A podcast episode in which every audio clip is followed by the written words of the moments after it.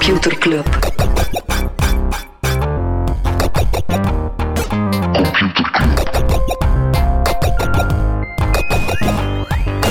Computer Club.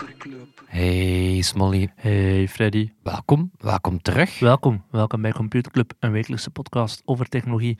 Iedere aflevering selecteren uh, Freddy en ik een interessant artikel en presenteren een feitje. Hey Smolly, moet je een keer iets cools weten?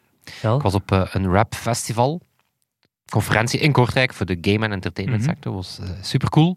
En de vrienden van Gamecast waren daar om de hele tijd te livestreamen. Ja. Weet we zijn daar Thijs en Co, geweest, ja. Thijs en Co.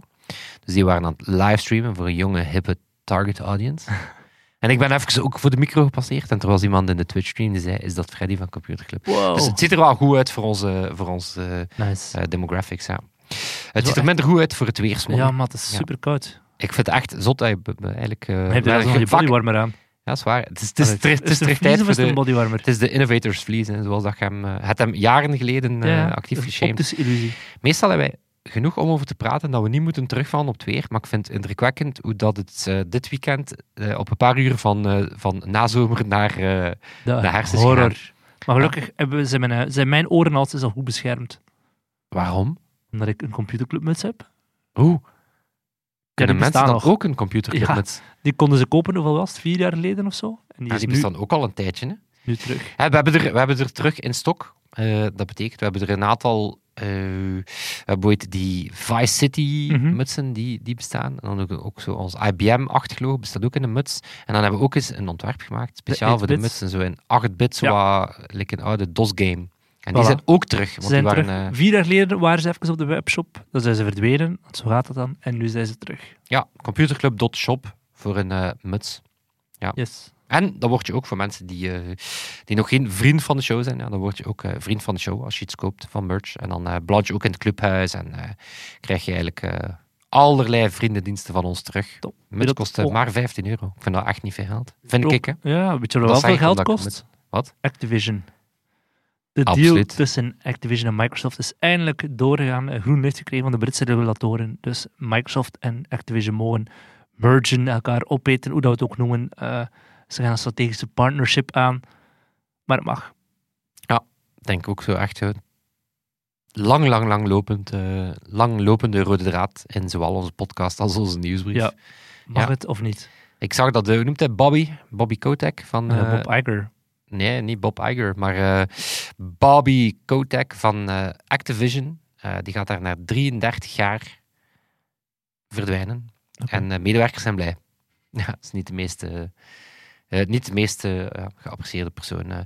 over deals gesproken, ja, iets kleiner dan de Activision deal, maar bon, bijna 1 miljard, toch ook geen klein geld. Atlassian, het bedrijf dat Jira, eh, projectmanagement tool, eh documentatie tool Confluence maakt, die kopen Loom. Ja, dat vond ik inderdaad wel... ja, jullie gebruiken Atlassian hier, hè. wij gebruiken Loom. Maar dat is toch echt wel zo'n soort cool kid on the block die wordt opgekocht door de meest saaie bureaucratische software.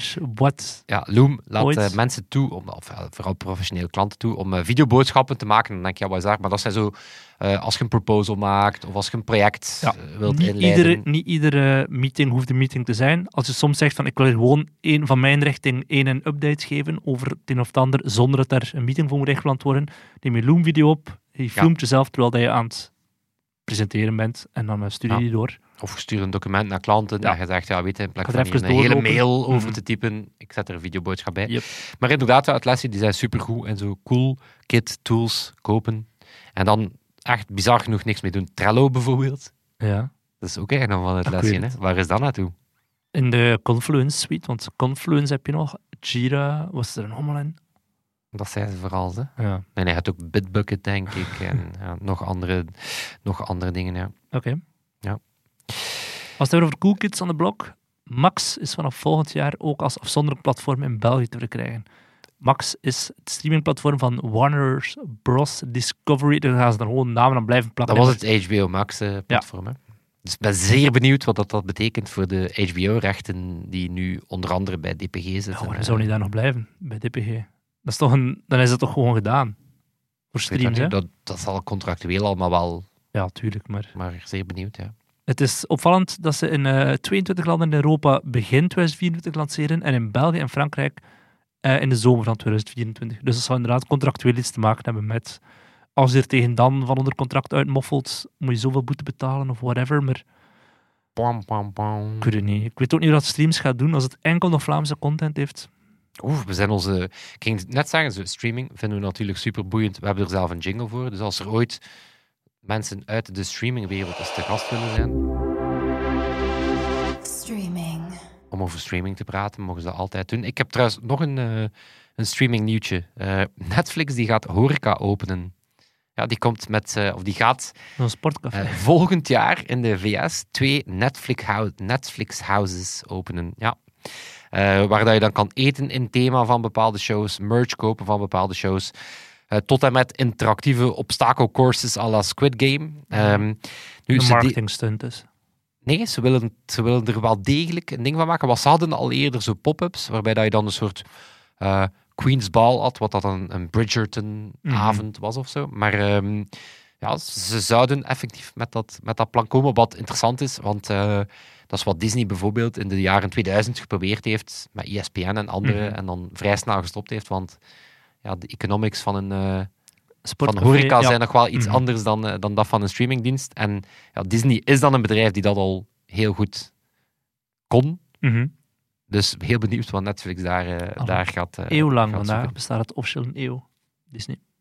Wanneer? Vandaag, 16 oktober 1923, is het opgericht. Maar ja, doordat de mensen dit luisteren, bestaat al een eeuw en twee dagen. Hè, dus Voilà, kijk, ja, toch... eh, Maar toch, ze weten het bij deze. ze weten het. Maar Ja. ze weten het hoor. Meta die weet intussen wat ze met die mis- en desinformatie over de oorlog tussen Hamas en Israël gaat doen. Ze moesten iets weten. Ze hadden 24 uur de tijd om het te weten. Voilà, Thierry had ze op het matje geroepen. Samen met de rest van de Europese Unie had hij Meta en, eh, en Twitter Thierry Breton van de Thierry Europese gezegd, Commissie. Onder andere als deel van de denk, Digital Services Act Mhm. Ja, moeten ze af en toe kunnen tonen van ja, wat doe je met al die problemen. En dit was een duidelijk probleem. Je hebt het er in de nieuwsbrief uitgebreid over gehad. Eh, en ze komen nu met een Special Operations Center met mensen die zowaar Hebreeuws en Arabisch kunnen. Oké. Dat is wel handig. In dit geval wel, ja. Eh, en die hebben intussen al 800.000 content items verwijderd. Maar dat is een cijfer dat je onmogelijk kan snappen van is dat nu goed of niet. ja, want, want we wat weet je daarmee? er inderdaad in het Wat algemeen, weet je daarmee? Ook interessant, eh, omdat ik ga het er gewoon zo wat bij plakken. Adobe die komt met een label. Ehm, een label dat zij willen plakken op AI-generated images. Hmm. Ja. Dan kun je de vraag stellen van ja, oké, maar zo dat watermerk, ja, wat, totdat iedereen het gebruikt, is het waardeloos. En ook wat onder andere het probleem is met al die ja, misleidende beelden en desinformatie, is dat het niet zozeer AI-generated beelden zijn, maar het zijn soms gewoon beelden van jaren geleden of van andere conflicten. Mhm. Of ja, ja. uit films en zo. Dus het zijn zelf niet per se AI-generated propaganda. Het is gewoon ja, uit een compleet ander conflict beelden halen en zeggen van kijk eens wat er daar aan het gebeuren is op dit Mhm. moment in Gaza of zo. eh. Ik vind die, Dus ja. die autofill en die generate stuff in Photoshop echt een max. Zot, hè? Werkt echt zeer goed. Ja, ik denk dat eh, Benedict Evans is die zo de interessante ja, brugje maakt van oké, nu hebben we heel veel zo AI-generators voor de AI-generators. Van, ga naar een website Mhm. specifiek om dat te doen. Maar wanneer dat het in producten gaat geïmplementeerd worden, en daar vind ik inderdaad die, die Photoshop-implementaties zijn zo... Ja, dat is gewoon super nice, hè. In uw bestaande workflow, zo, dat soort eh, dingen doen. Ik had een eh, foto van de Roy Devil Scriptable Courtois eruit gefotoshopt. Dat Haha. had mij één minuut werk gekost. Dat Is was, die effectief? Ja, ik ben even het is niet, die effectief gestopt bij de was als voorbeeld, van voorbeeld voor in dat een lezing. dat Dat ik dat kwaad was. Ik weet dat kwaad was. Ik heb dat geleerd in ook de is? intro van uw nieuwsbrief. Wat was er? Dat hij, Ja, had er ooit een keer gezegd dat hij, dat hij, niet meer kapi- dat hij kapitein was. ja. hè, en hij wilde dan- niet meer meedoen. dat Wie dat er ook kwaad is, is de Belgische overheid. Ze hebben voor de derde, week, eh, derde keer op één week tijd een DDoS-aanval te verwerken gekregen in de Belgische overheidswebsites. Geen idee wie dat erachter zit. Ja, Thibaut you gonna call? Thibaut Courtois. Smalls. Smalls, ja. Ze zijn aan het kijken wie het heeft gedaan. Ja, ja, dat gaat dan blijken dat die, dat die DDoS-aanval oplossen onze anderhalf miljard zal gekost hebben. Dat is gewoon Charles Michel. Nee, hoe heet hij nu weer? De andere Michel. Onze minister van eh, staatssecretaris voor digitalisering. Kleine Michel. Die nou waarschijnlijk zelf een DDoS-aanval op een ander land proberen te doen, maar zijn eigen zet aan te En vallen. waarschijnlijk hadden ze twee ethernetkabels in dezelfde aansluiting Sowieso. gestoken of zo. Het zal wel, eh, het zal wel iets zijn. Ook iets, ja, de Amer- Amerika, ja, die liever geen eh, chip en AI-technologie naar China ziet gaan. Dat is ook zo een, eh, Mhm. een thema dat wel, eh, dat wel om de zoveel weken is opduikt. Ehm, en ja, dat is dan een soort eh, whack-a-mole spelletje van iedere keer dat je met regels komt, worden die regels omzeild. En nu komen ze weer met strengere too-close loopholes. En daarmee bedoelen ze vooral Nvidia, die, ja, die mocht niet langer de A100-chip of de A100-kaart exporteren, wat dan een van hun krachtigste kaarten is om grote taalmodellen Mhm. en AI-modellen te trainen. Dan kwamen ze met de A800, die dan iets minder sterk was. En dan mocht dat wel, maar dat gaat dan ook weer niet mogen. Dus heel interessant hoe dat haasje over eh, gedoe tussen eh, ja, Amerika en dan Amerikaanse bedrijven die natuurlijk ook wel graag geld verdienen. Ja, kan je ze tegenhouden. Ook zo'n thema in de, in de podcast en nieuwsbrief, de eh, crackdown op Chinese techbedrijven, die er zo stilaan op zit, want Didi, en dat is de- de Chinese Uber, Mhm. die zou zowaar terug naar de beurs gaan in 2024. En eh, voor de geschiedenis ehm, was eigenlijk het bedrijf die ja, heel die crackdown ja, een beetje doen starten heeft, samen met Ant Financial van Mhm. Alibaba, was het Didi die in 2021 naar de beurs in New York ging. Dat vond de Chinese overheid natuurlijk niet zo nice, dat een Chinees bedrijf ja, op een Mhm. buitenlandse beurs ging gaan staan. Ja, dus hebben ze allerlei regels beginnen uitvinden om Didi ja, te pesten. Eh, tot en met het, het geen nieuwe gebruikers mee mogen onboarden. Dat is dan uiteindelijk eh, vorig jaar van de beurs gegaan in New York. Dus Didi is van de beurs gehaald. En die zouden nu volgend jaar in Hongkong terug naar de beurs gaan. Ik ben benieuwd in welke Alweer mate een- dat er nog een relatie is met Uber. Want dat was ooit zo'n ene bezat aandeel van de andere, omdat Uber niet meer in China actief was, of er zelfs niet actief wilde zijn. Maar er was, er was een of andere link tussen die twee bedrijven. Heb jij, Qua nog, eh, aandeelhoudersstructuur. hè. heb jij nog nog nieuws? Nee. Kijk, ik zal eh, hier even bruggen in mijn, eh, in mijn stuk. Zo die vermengde aandeelhouders en zo. Dat is Mhm. een beetje zoals de heel de crypto-sector. Mooi. En wie zat daar natuurlijk achter elk bedrijf ongeveer? Sam Bankman-Fried. Ja, en met wat geld deed hij dat? En met zijn eigen... eh alleen met Niet met zijn eigen klanten. geld. Ah, eigen voilà. geld. Proces tegen SBF, Sam Bankman-Fried, is bezig. Hebben we ook in de nieuwsbrief eh, vermeld. Dat begonnen was. En dat gaat natuurlijk voor een heel groot stuk rond ja, ehm, fraude en, allerlei dingen die SBF eh, verkeerd heeft gedaan. Maar er wordt ook gekeken naar, ehm, of er wordt extra gelet op, een half miljard dat daar zomaar even is verdwenen Kan gebeuren. Kan gebeuren. En natuurlijk kijken we natuurlijk in de richting van, eh, van, die, van die krullenbol. Eh, maar zou eigenlijk gaan om een half miljard. Dat is eh leeggeroofd bij FTX. Dat is dat eigenlijk ja, een, alweer een voorbeeld van een crypto-hack. Ehm, en dat zou allemaal gebeurd zijn op de dag van het faillissement. Ja. Ehm, nu, wie weet dat SBF er zelf nog achter zit. Mhm. ja, dat weet je natuurlijk pas als je echte data vindt. Die kennen we nog niet. Maar Wired, en dan eh, vooral Andy Greenberg, dat is zo'n- een, een, eh, schrijver die heel coole eh, long reads of heel coole boeken maakt over zo heel bekende hacks, Sandworm en andere. Dus sowieso fan van Wired en zeker van Andy Greenberg, omdat die kan echt zo een cyberverhaal vertellen. Maar zo, Een Daniel Verlaan. Ja, die kiest dan ook altijd zo wie, wie zijn daar de, de, de, de, de key figuren Mhm. achter en hoe gaat dat daaraan toe. Dus ook dit is weer een, eh, rollercoaster van je welste. Ehm, en die begint, ehm, die begint, of dit verhaal begint dan specifiek s s'avonds op de dag ehm, van het faillissement van FTX. Ehm 11 november vorig jaar. En Bankman-Fried die geeft na lang aandringen eigenlijk, eh, eindelijk ja, de, de teugels over aan John Ray III.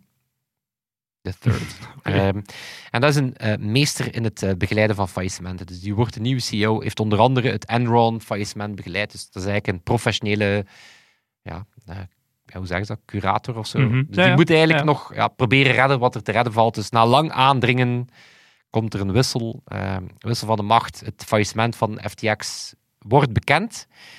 Eh, en die John Ray eh, weet op dat moment niet dat zijn job nog een pak lastiger zal worden, want medewerkers die zien, som, die zien plots dat er miljoenen, miljoenen, en dan spreken we echt over tientallen miljoenen aan tokens aan het eh, verdwijnen zijn. En het is ehm, een van de CEO's van de, een van de dochterbedrijven, LedgerX, want ja, onder FTX zaten dan tal van Mhm. andere bedrijven die, ehm, en dat is ook een manier om het, ja, om het te doen, die om tien uur s'avonds een Google Meet aanmaakt met 20 FTX'ers, 20 collega's, met de titel Urgent. Sowieso. Een Google Meet, ja, bol. Dus, dat is de manier hoe dat je dat dan doet. Dus die vertelt, ehm, ja, die vertelt eh, ja, over die wallets die aan het leeglopen zijn. Ook interessant. Voor hun ogen. Ja, en ze merken het vooral op van die ter bestaan websites die...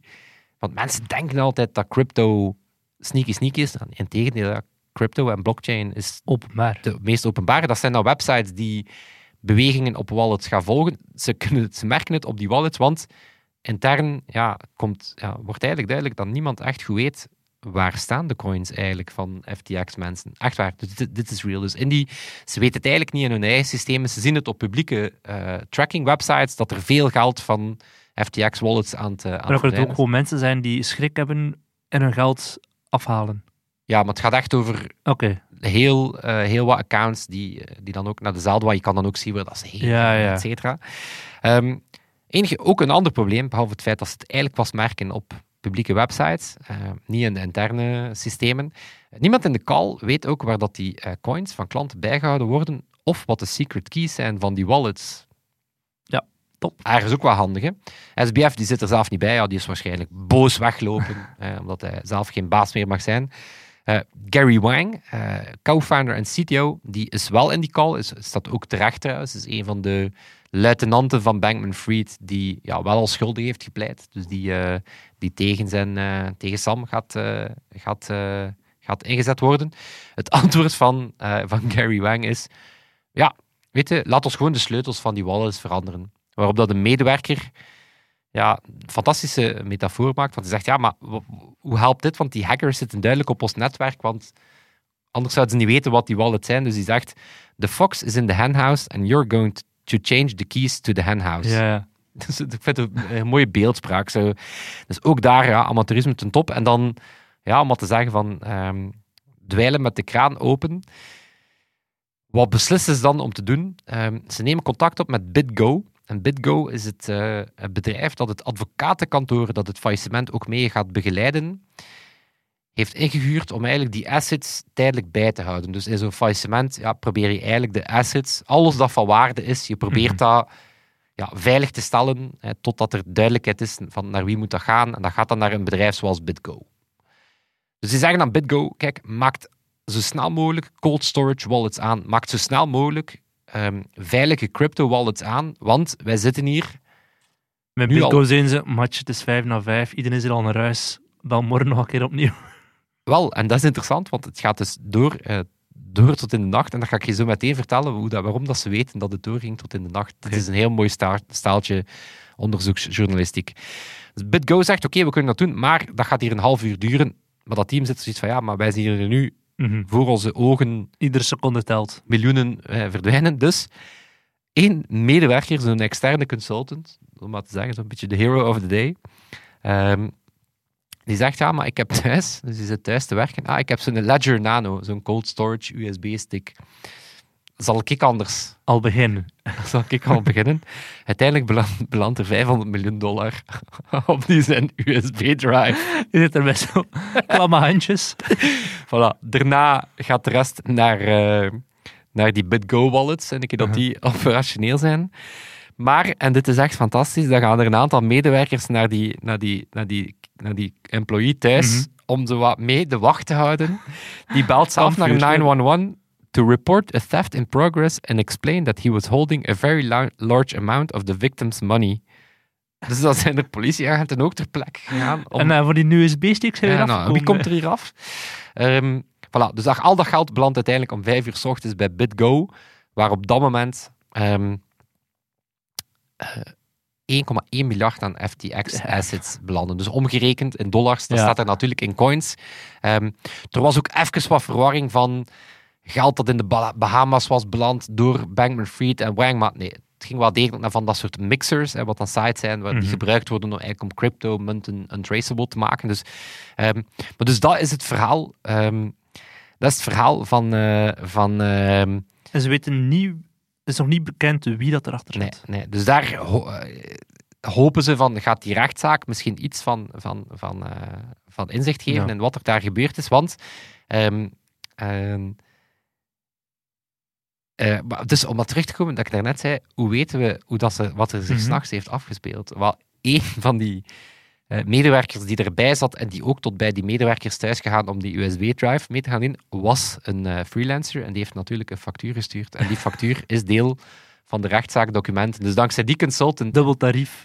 hebben we gezien op welke nachtelijke ja. uren dat hij geïnvoiced heeft. Dus we hebben zo'n beetje de, de, de tijdsplan bijeen kunnen. Of Andy Greenberg heeft dat uh, bijeengepuzzeld.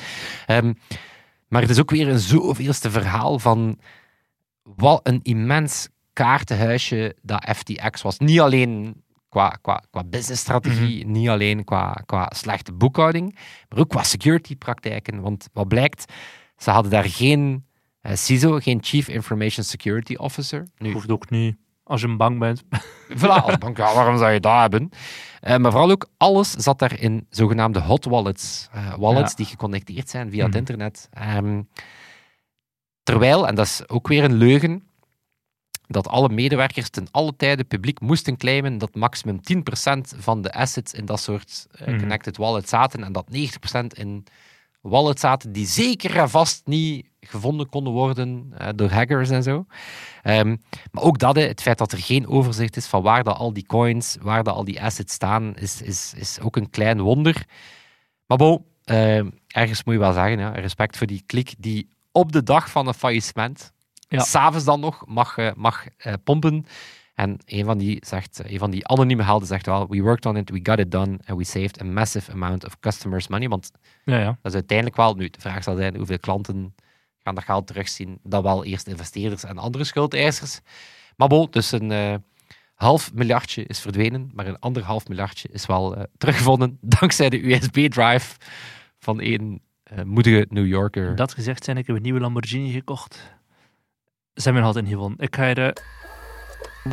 Computerklas. Freddy, ik ken een digital twin, hè. Dat is zo'n digitale kopie van een gebouw of van een installatie. Wacht even, zeggen, jij kent uw digital twin. Ik Jouw digital twin? Ah, nee, nog niet. Maar dus zo gemaakt een, een kopie, een 3D-kopie vaak, of gewoon het concept. Een, en we een, maken een model, een simulatie. Ja, en dan kunnen we dan daar superveel simulaties in doen om bepaalde berekeningen te maken. Er bestaat ook zoiets voor smaak. Dus dat is, een, is voornamelijk een Belgisch bedrijf dat ermee bezig is, het heet Food Pairing, maar er zullen er internationaal ook nog andere zijn, die dus gaan kijken welke ingrediënten zijn hip bij een bepaalde doelgroep en dan gekke combinaties gaan maken en op voorhand dan gaan kunnen voorspellen of dit zal aanslaan of niet. En dan kom je tot dingen als Pringles, rosbief en mosterd. Dat is effectief een smaak die bestaat. Of Philadelphia met Milka chocolade, die heb je sowieso gezien in de lijzen. En uh, Disney worstjes, waar er ook groentjes in zitten. Maar zo de perfecte percentage van de hoeveelheid groentjes, zodat kindjes het alsnog altijd lekker vinden. En die percentages zijn altijd 0,0. Nee, maar het was nog redelijk, het was zo 30%, het was echt nog sava veel. Maar het is wel zot dat je dus, basis van smaak, dat je dat ook als een soort objectief gegeven kan mee gaan simuleren. Dat kan zijn, blijkbaar zijn er mensen die Philadelphia smeerdingen met Milka chocolade fantastisch vinden. Zot. Of, ja, maar food pairing is inderdaad, uh, zijn er al lang mee bezig, toch? Ja, ik, dat, dat is een naam dat ik al vaak, inderdaad al vaak zag passeren, nooit echt over nagedacht van, wat, hoe werkt het nu concreet? Maar ik zag een LinkedIn-post van uh, die founder passeren. Dan dacht ik, eigenlijk is dat mega maf. Super, het uitsteek, maar hij komt inderdaad tot Pringles, rosbief en mosterd. Mag ik trouwens nog een keer een ander eitje palen? Oei, ik een, uh, weet ik een eitje palen had met nee? een luchtvaartmaatschappij. Ah ja. Zwaar, hè? Dat ja. niks met onze podcast te maken. Na anderhalve week. En dan eindelijk zo, ah ja, stuur nog een keer alles nog een keer door. Zo. Tekst. Maar nu heb ik wel zo in de zaal en zo, je hebt contact gehad met onze klantendienst. Wat vond je ervan? Zo, ja, haal, ja. heb je momentje? Even, even Wordt bekomen. het alfabetisch of chronologisch? Andere eitje te palen. Ik ben naar het Garnaalkrokettenfestival geweest in Oostende. Mm. Dat een uh, topervaring is, ja, bon. Ja. En wat dat wel interessant is, in dat boekje staat er dan van, hm, deze garnaalkroket, hè, van de garnaalkroket van die, van, Ja. die, uh, van die restaurant, is excellent met een rode bag. Maar wat staat er niet op de drankkaart? Een rode bag. Maar het echte eitje dat ik te heb, dacht is, van, wow, first world dat problem. is daar tot 7 uur. Uh-huh. En dat staat er nergens dat dat om 6 uur al de stekkers uit de frituur getrokken worden. Nee, vind ik dat niet zijn eh, amateurs. Vind ik het niet kunnen, want ik, Nee. ik heb maar 7 van de 11 kroketjes, want het zijn wel kleintjes. Ik heb Ja. er maar 7 van de 11 kunnen testen. Dus ik heb mijn stem niet kunnen uitbrengen. Wat was de beste tot nu toe? Noord. Nerd, ja, klassieker. Ik, eh, eh, ik, heb, ik heb mijn stem niet uitgebracht, omdat ik zoiets heb. Ik kan niet op basis Ik van een blanco. onvolledige sample, kan ik dat niet doen. Maar Noord was wel goed. Maar de allerbeste gaan ik in Oostende. Madame Kroket. Ja, dat is waar. Ja, Ook Voor mensen die daar ooit beland, absoluut klassieker. Niks met deze podcast te maken, maar kijk. Computerclub. Ik eh, paal dit, zeer, zeer ik paal dit doen, toch. Voilà. Maar echt de heidenaars Feyenoord Stenkerk, Freddy. Dat is waar. Martin Tempels, die, de, die daar op een paard... een eh, die is garnaalvisser, de ex-VP van Telenet. Ja, ooit geïnterviewd had voor, eh, voor, eh, voor een shift. Ja. Haar hobby is garnaalvis. Gadverdamme. Ja. Nice. Oké, dat is een activiteit om met de club in de zomer een te doen. Ik wil het hebben over iets totaal anders. over bias in Midjourney. Een zotte overgang. Ehm, er zijn zo'n aantal publicaties die de voorbije maanden... Mag ik uw overgang Ja. opnieuw doen? Vertel. Gewoon, Ja? als je er voor open staat, hè, Doen? dan zou je zeggen, hey, mijn journey, genereer mij een garnaalvisser. En dat zou wellicht een man zijn. Mhm. Wie ga je daar niet zien? Martin. Martin Tempels. Nee. Voilà, Voilà. en dan wil ik inderdaad Waarom? Omdat dat daar een, dieper op een, een genderstereotypering is die helaas zeer vaak gebeurt. Yes, want zowel BuzzFeed, Bloomberg als Rest of World, drie publicaties, die dachten, we gaan een keer een onderzoek doen door heel veel beelden te genereren en te na te gaan van wat komt er eigenlijk uit. Voor BuzzFeed, die hebben 5000 beelden gegenereerd van, bedenk mij een dokter, bedenk mij een eh, persoon die in een fastfoodrestaurant werkt. En dan bleken heel vaak, als het over beter betaalde jobs gingen, hadden mensen een lichtere huidskleur en waren ze mannelijk. Rest of World, die had een heel cool experiment, eigenlijk het leukste van, van de dingen dat ik heb gevonden. Die hebben vijf parameters gekozen. Een persoon, een vrouw, een huis, een straat en een gerecht. En dan nog een andere parameter, een land. China, India, Indonesië, Mexico, Nicaragua en de Verenigde Staten. Voor elke combinatie hebben ze 100 beelden gemaakt, dat je een dataset hebt van 3000 beelden, om dan te gaan kijken, wat zijn nu de patronen dat ze erin zien. Ja, dus iedere keer parameter plus land. Ja. Zo van, oké, toon Ah, mij een straat een man in- uit, dat, Ja. of een persoon uit dit. Voor het, een persoon uit India is in 99% van de gevallen een man. En eh, het is bijna altijd een oude man met een witte baard en een oranje tulband. Een Mexicaans persoon draagt altijd Een hoed. een sombrero. sorry, Echt ja, sorry. Ik doe nu alsof dat ik mijn journey ben. Hè. Ja, een, Ja. straat in New Delhi, hoe ziet die eruit? Druk. druk en vuil. Een gerecht in Indonesië is bijna altijd geserveerd op bananenblad. Ehm, heel frappant als, je- als je vraagt, een, een Indian person, twee van de honderd mensen, die hadden zo'n veerpruik van een Indiaan, maar niet van een Indiër. Dus daar ging mijn journey sowieso al de mist in. Amerikaans persoon, dus als je vraagt, American person, 100 van de 100 hadden een vlag, een Amerikaanse vlag. Dus bij de Mexicaanse persoon nergens de Mexicaanse vlag te zien, Indiaans persoon ook nergens. Me- Amerikaans persoon herken je aan de Amerikaanse vlag dat hij vast heeft of die achter ons staat te wapperen. Dat is wel echt goed. Dat is, wel echt zot, hè? Dat is ook... Ja, dat is daar gewoon waar. ja, America, ja. Dat is, Ja. dat is gewoon... Ja. Het is ook het enige land waar er meer vrouwen dan mannen zijn. Als je vraagt, een person from, meer vrouwen dan mannen. Het niet het geval was bij Indië of China of wat dan ook. Chinezen eten heel vaak drie stokjes, wat, en dat wist ik zelf niet, dus zeer onderbiedig om een oneven aantal eetstokjes naast je eten te leggen. Met Journey ging de mist in en eet dat zeer vaak. En uiteraard, als je al die stereotypen dan hoort, is het uiteraard een stereotype die totaal niet klopt met de werkelijkheid. En die totaal ook voorbij de, de diversiteit van, van een land gaat.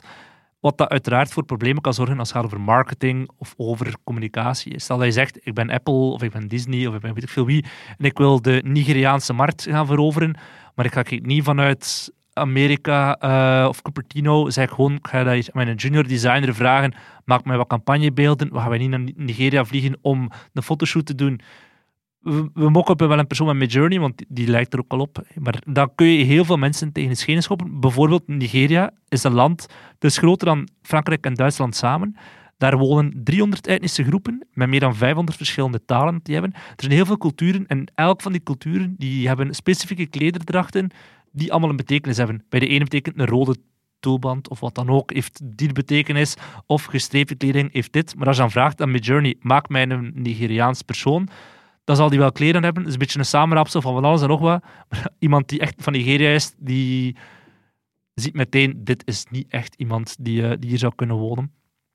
50% van de mensen in Nigeria zijn trouwens ook moslims, maar met hijabs heeft Midjourney het super moeilijk. Ook bij, in India, 14% van de mensen in India is een moslim, maar die stonden zelfs helemaal niet op de beelden. Het wordt allemaal zo'n typische hindoe mensen met die, die tulband, die in werkelijkheid ook totaal niet vaak gedragen wordt. Hè, want het voelt ook heel hard als een cliché aan. Ik ben in India geweest, ik heb daar letterlijk misschien twee mensen gezien met zo'n tulband. De meeste mensen dragen er ook gewoon Nike-t-shirts en eh, sneakers en de gewone zonnebril en zien er niet zo karakteri- eh, karakteristiek uit als op die eh Midjourney-beelden. En ook die gender biases, heel interessant. In de meeste, als je vraagt, a person from China of wat dan ook, is bijna altijd een man dat ze tonen, behalve in Amerika. Met de mensen van Rest of World die dachten van, ah, misschien komt dat in, omdat in de westerse cultuur vrouwen meer beelden van zichzelf maken, selfies of wat dan ook. En dat er in andere culturen, bijvoorbeeld de Arabische cultuur of wat dan ook, dat dat meer not done is om als vrouw, eh, dat er minder beelden zijn van vrouwen en dat de trainingsdata daarom ook eh, anders is. Skewed is. Ja. Ik, vraag mezelf Ja. af hoeveel niet-westerse data dat er überhaupt in die, in die Ja. dataset zit. te weinig. Of dan, als het al is, is het meer inderdaad zo de National Geographic-achtige foto's van de bijzondere, eh, de typische met de tolband. En hij ziet ze meteen voor in, nee, dat soort foto's. En niet de gewone man op de straat van New Delhi die gewoon rondloopt in een, een t-shirt zoals wij. Ook heel interessant, de Chinese vrouwen hadden bijna allemaal een dubbel ooglid. Dus ja, een oog- zoals dat wij hebben. Ehm terwijl in Azië in werkelijkheid veel minder vaak voorkomt. En gaan ze, gaan ze net vaak met, met plastische chirurgie zo de typische westerse oogleden gaan, gaan namaken. Dus je pusht ook weer een bepaald schoonheidsbeeld door dat soort eh, beelden te gaan gebruiken. Technisch gaat dat nog altijd zeer moeilijk blijven om dat eruit te gaan filteren. Want die diversiteit die zit net vaak in de outliers van een dataset. Terwijl dat Midjourney, ja, wat maakt Midjourney zo goed, is ze kunnen kijken naar wat is de algemene deler. En vaak is dat niet die een outlier, zoals in Nigeria, 300 culturen begint er maar aan om die allemaal apart te gaan trainen. Maar je kan dus niet, ja, als je daar niet bij eh, over nadenkt, kun je onbewust fouten maken die ik zelf ook niet wist. Van, ah ja, Ja. dit- dat kleur tulband of die kleur t-shirt of wat dan ook, heeft een heel andere betekenis dan een andere. Dat is wel echt... eh, is op zich wel cool om... eh, ja, het is inderdaad logisch, je moet dan nadenken van oké, we gaan een dokter, foto van een dokter mag niet altijd een man zijn of niet altijd een wit persoon.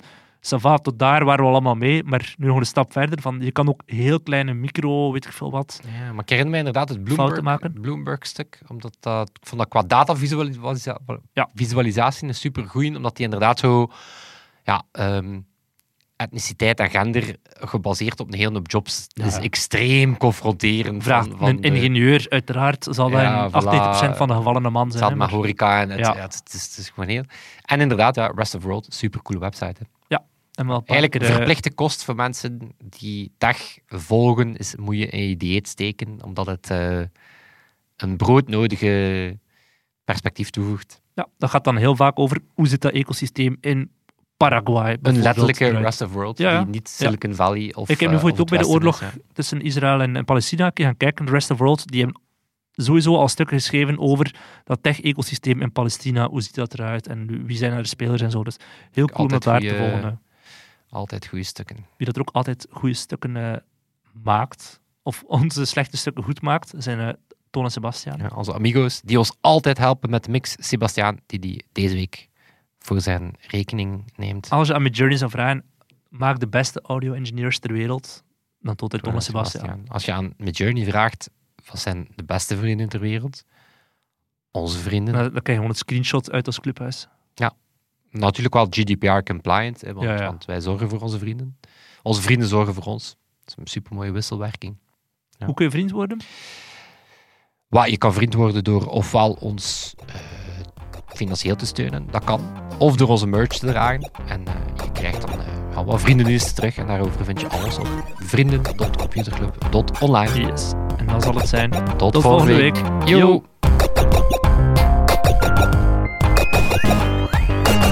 Yo. Computer Club.